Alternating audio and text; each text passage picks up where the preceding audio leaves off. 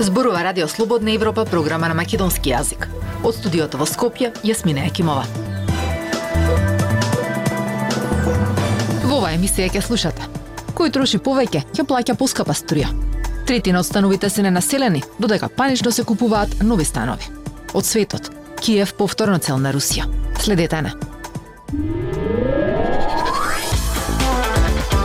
Независни вести и анализи за иднината на Македонија. На Радио Слободна Европа и слободнаевропа.мк.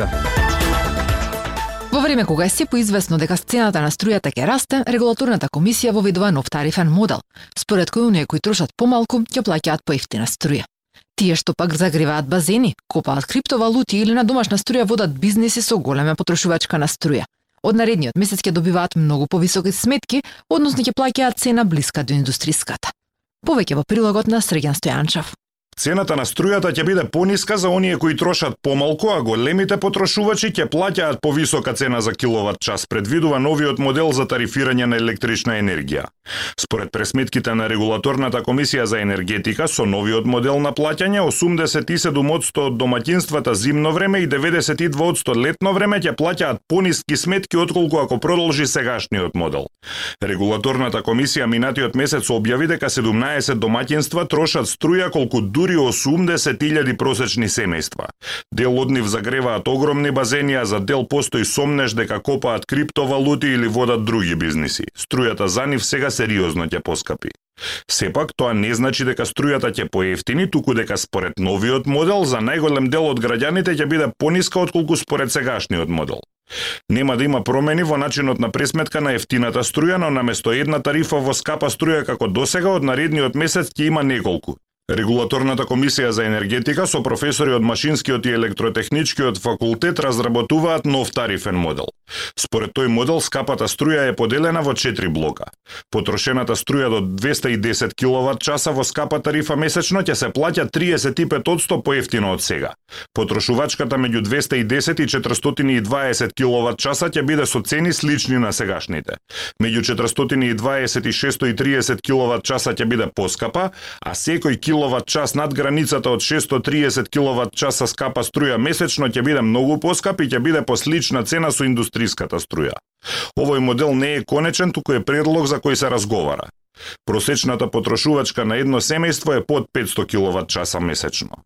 Професор Рубин Талески од Електротехничкиот факултет рече дека најголем дел од граѓаните ќе влезат во првите два блока и ќе добиваат пониски сметки. Ќе се овозможи ресурсите што ги имаме за домашно производство да се искористат поефикасно, ќе помогнат да се зголеми ефикасноста, енергетската ефикасност и пасивна и активна. Прво, да се намали потрошувачката во висока тарифа, а второ, да се префрли дел од потрошувачката од висока во ниска тарифа. Професор Исто Филковски од Машинскиот факултет ја презентираше анализата за потрошувачка на струја во грејна сезона. Според неговите пресметки, семејствата што трошат до 1500 киловат часа месечно со новиот модел би плаќале пониска или еднаква сметка како и со сегашниот, под услов половина од струјата да е во ефтина тарифа, а половина во скапа. Голем дел од домаќинствата би имале помали сметки отколку според постојниот тарифен систем. За голем дел од потрошувачите сметките не би биле значително различни, се, се разбира под услов да не се покачи цената на електричната енергија, што воопшто не е не, не реално. Филковски сепак вели дека новиот тарифен систем нема да ги реши бројните наталожени проблеми во енергетскиот сектор, туку колку толку да ги испегла разликите. Радио Слободна Европа, светот на Македонија. Иако последниот попис покажа дека повеќе од третина од становите во земјава се ненаселени, граѓаните панично купуваат нови станови, а се издаваат рекорден број одобренија за градба. Прв на удар е главниот град, но и туристичките центри. Познавачите на состојбите велат дека пазарот на недвижности во моментов е хаотичен, а празните станови ќе станат голем проблем. Ако навечер погледнете кон зградите во Скопје, посебно оние кои се наоѓаат на водно, ќе забележите голем број станови во кои нема светло.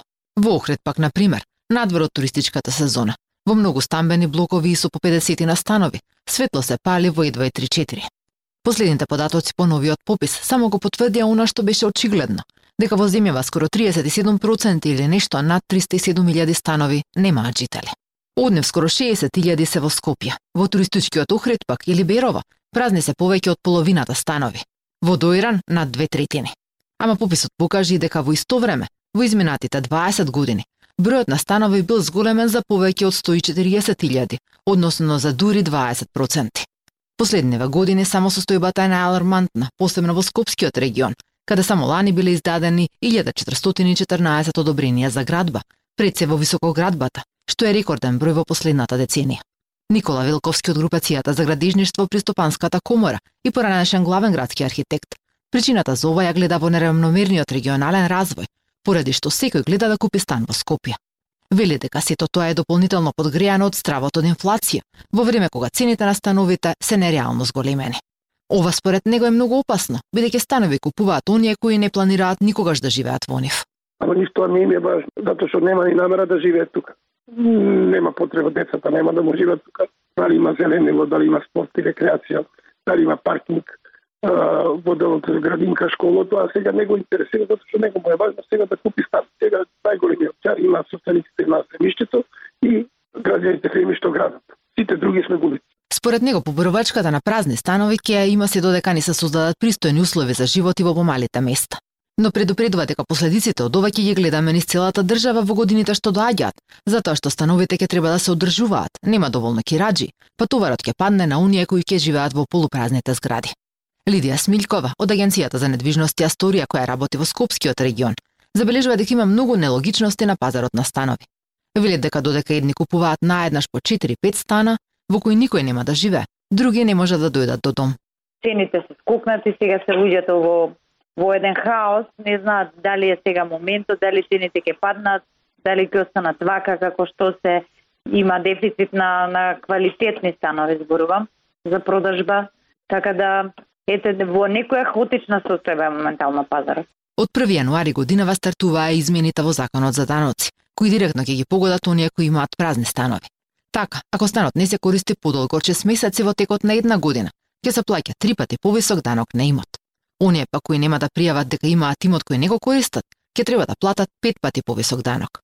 Ако собственикот пак живее во станот, тогаш ќе плаќа за 50% понизок данок. Актуелности свет на Радио Слободна Европа. Русија досега не успеа да ги постигне своите воени цели откако ја нападна Украина. Но и покрај тоа, главниот град Киев би можел да се соочи со нови руски напади. Предупредува командантот на украинските специјални сили Роман Костенко, според кого ова сценарио веројатно ќе зависи од Белорусија. Прилогот го подготви Гоце Атанасов. Роман Костенко, командант на украинските специјални сили и член на либералната проевропска партија Холос, за Радио Слободна Европа изјави дека Москва повторно ќе се обидува да го нападне главниот град Киев. Руските воени сили сега се главно фокусирани врз преземање на контролата врз регионите Лугански, Донецк, исто така познати заедно како Донбас. Москва го направи за земањето на целиот источен Донбас клучна цел на својата неиспровоцирана инвазија откако беше потиснат од Киев. Сепак главниот град на Украина би можел да се соочи со други руски напади и таквото сценарио веројатно ќе зависи од Белорусија, објасни Костенко. Александар Лукашенко, авторитарниот владател на Белорусија и близок сојузник на Путин, изјави дека неговите војници не учествуваат во руската инвазија, но територијата на земјата служела како лансирно поле за Русија да испрати илјадници војници преку границата од почетокот на инвазијата во февруари. Белорусија е наш непријател и ние го разбираме тоа. Земја која им дозволи на нашите непријатели да користат незината територија за да убиваат наши цивили, рече Костенко. С оглед на тековниот безбедносен ризик во од Белорусија, украинските сили беа распоредени долж нивната заедничка граница, која се протега на околу 1080 километри, објасни Костенко. Оваа закана сметаме за висока. Или русите ќе можат да влезат од таму ако соберат сили и објават мобилизација, или ќе ги повикаат белорусите да учествуваат. Подржан од рускиот напредок во Донбас, Кремљ наводно размислува за втор голем напад врз Киев, објави независниот медиум Медуза со седиште во Латвија на 27 мај. Во раните денови на инвазијата, како што вели Костенко, руската војска сериозно погрешно пресметала што ќе ги чека во Украина. Тие се надеваа дека населението на Украина јасно ќе ги поддржи и дека со помош на овие луѓе нема да мора да спроведуваат долгорочни воени операции тука. Тие очекуваа мали престрелки, дека украинската армија ќе го остави оружјето и Русија ќе преземе контролата врз целата територија, изјави Костенко. Сепак, како што вели, од тогаш руската војска научила и се адаптирала. Почнаа да поставуваат одбранбени позиции, тие почнаа подобро да ја користат својата опрема, тие инкорпорираат артилерија. Тие учат и сега борбата не стана потешка, додаде тој. Руската војска зголеми употребата на тактички воздушни акции за да го поддржи незиниот напредок во Донбас, соопшти Британското министерство за одбрана во својот дневен билтен за разузнавање на 4 јуни. Борбената способност на Украина исто така се подобрува, истакна Костенко, во голема мера благодарение на пософистицираното и смртоносно оружје што го обезбедуваат западните партнери на Украина. Култура и уметност на Радио Слободна Европа потпре на драматичните настапи на Марија Мацота, Добрила и Доријан, Нанси Виера, нагласноста на Лука Санантана, фуриозноста на Лос Пирањас. Овпес во третата деценија влегува како голем фестивал, чија мисија одамна е универзална и глобална. Деталите од 21-виот Оффест ги пренесува Лјупчо Јолевски. Годинава по двете ноемвриски пандемиски изданија Оффест му се врати на традиционалниот термин крајот на мај и почетокот на јуни, кога липите најубаво мирисаат во Скопје и кога распукува младоста. Се разбира, сето тоа следено од сите проблеми и обшествени нелогичности во нашата убава Македонија, од културните неприлики, големите и празни ветувања, безпарицата и кризата што не прави се поситни и понесигурни во себе. Отворањето овој пат беше македонско, со актуелната инкарнација на неохипи, фолк, постпанк, психоделик, транс, дружината Перија, во чија звуковност се допираат Блискиот Исток, Балканот, Северна Африка. Истата вечер триумфално беше затворена со феноменалниот настап на дуото Добрила и Доријан, со музиката која е забележена на нивниот деби и веќе класичен албум Апокрив и новите песни кои настанале во меѓувреме. Нивната изведба на некои од најубавите македонски традиционални песни како Ајр да не сториш мајко, Три години стана, Кирајджич, едноставно ја има моќта да те понесе и да те натера да леташ помеѓу две тишини, две воздишки,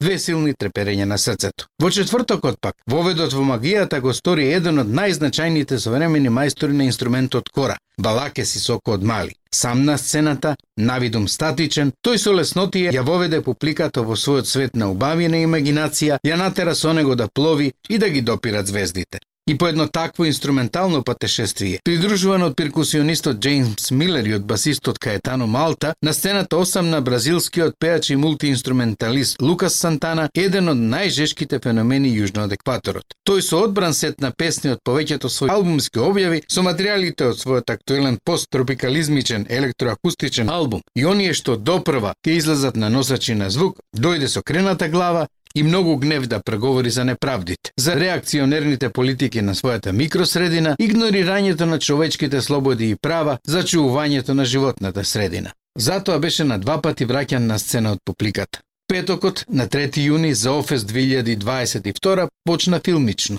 со извонредниот документарец да Румба Кинг на Алан Брейн и со одличниот концерт на Елвис Алварен на гитара, клавиатури и електроника, Марио Галеано на бас и Педро Оједа на тапани или заедно Лос Пирањас. Колумбијците со својот ретрофутуризам направија редко видена трансжурка, лудо и до немајкаде да откачено. И конечно, последната ноќ од Оффест започна со пејачката Марија Мацота и нејзиниот придружник Антонио де Лука на хармоник. Таа на свој, само своен начин, ја освои публиката на прва топка, отинели овде и кај нас секој миг е историски, а денот судбински. И по еден таков емотивен слалом, како убав допир на морски бран на Зајдисонце, на сцената мазно се прошета наследничката на големата Цезарија Евора, пеачката Нанси Виера од Кабо Верде. Со приказните за морето и патувањата, за далечината и за копнежот, со звукот кој ги довикува и премостува далечините, таа на публиката и подари љубов. Неизмерно многу љубов за споделување и песни за слушање.